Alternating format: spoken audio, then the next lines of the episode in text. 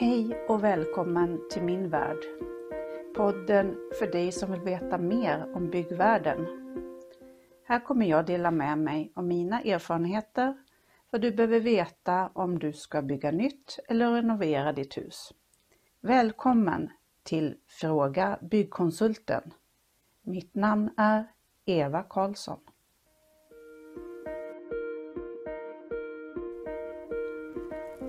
Tycker du om det du hör så tryck på tumme upp. Följ min podd så att du inte missar nästa avsnitt och dela gärna så att fler får ta del av min kunskap. I det här avsnittet kommer jag att prata om de handlingar som du behöver ha när du söker bygglov. Det är liknande handlingar både för nybyggnad och tillbyggnad. Du behöver ju visa hur ditt hus ska se ut och du ska visa var på tomten ditt hus ska stå.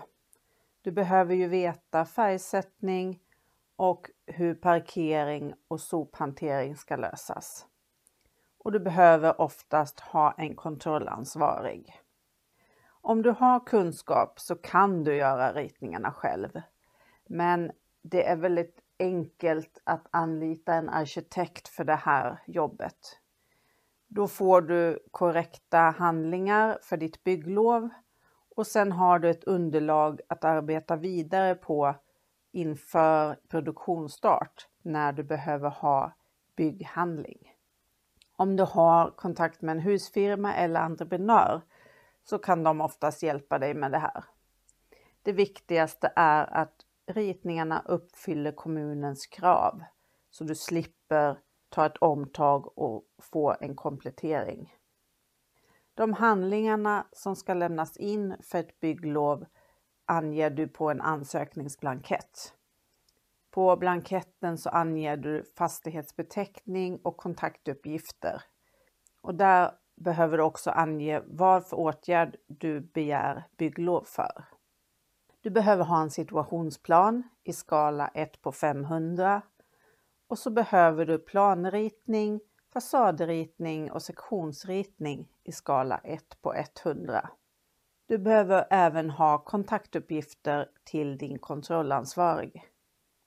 En situationsplan är baserat på en karta och den beställer du av kommunen. På situationsplanen syns fastigheten och byggnader och omgivningen ovanifrån.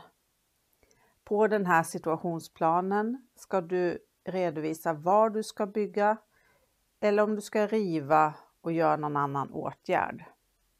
Om du ska bygga nytt så behöver du också visa parkeringsplats och plats för avfallskärl. På planritningen så visar du utformningen av ditt hus. Vilka rum som du har och vilka funktioner de har. Du ska visa den fasta inredningen med köksinredning, tvättstuga, dusch och toalett.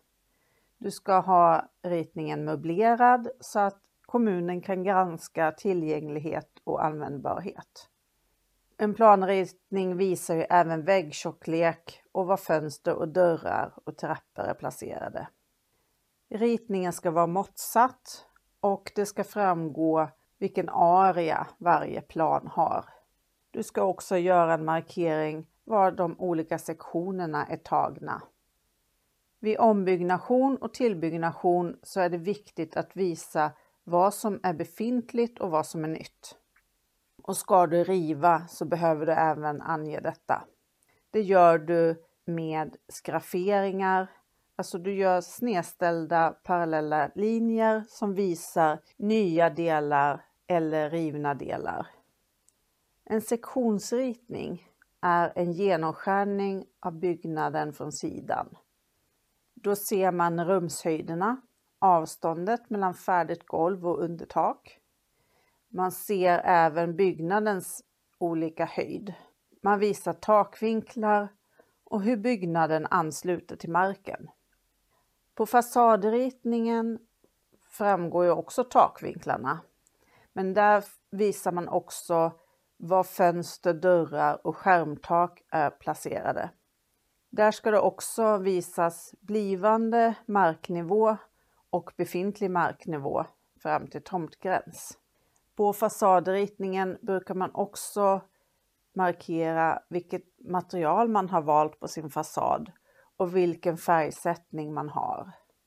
Om du ska bygga om eller bygga till ditt hus är det väldigt viktigt att du även på fasadritningen visar vilken del av huset som är befintligt och vilken del som är tillbyggnad eller ombyggnad. Om kommunen har synpunkter på de handlingar de får tar de ett beslut om komplettering i ditt ärende. Av det så framgår det om du behöver komplettera med några fler uppgifter eller om du saknar någon uppgift som du inte har skickat in till kommunen.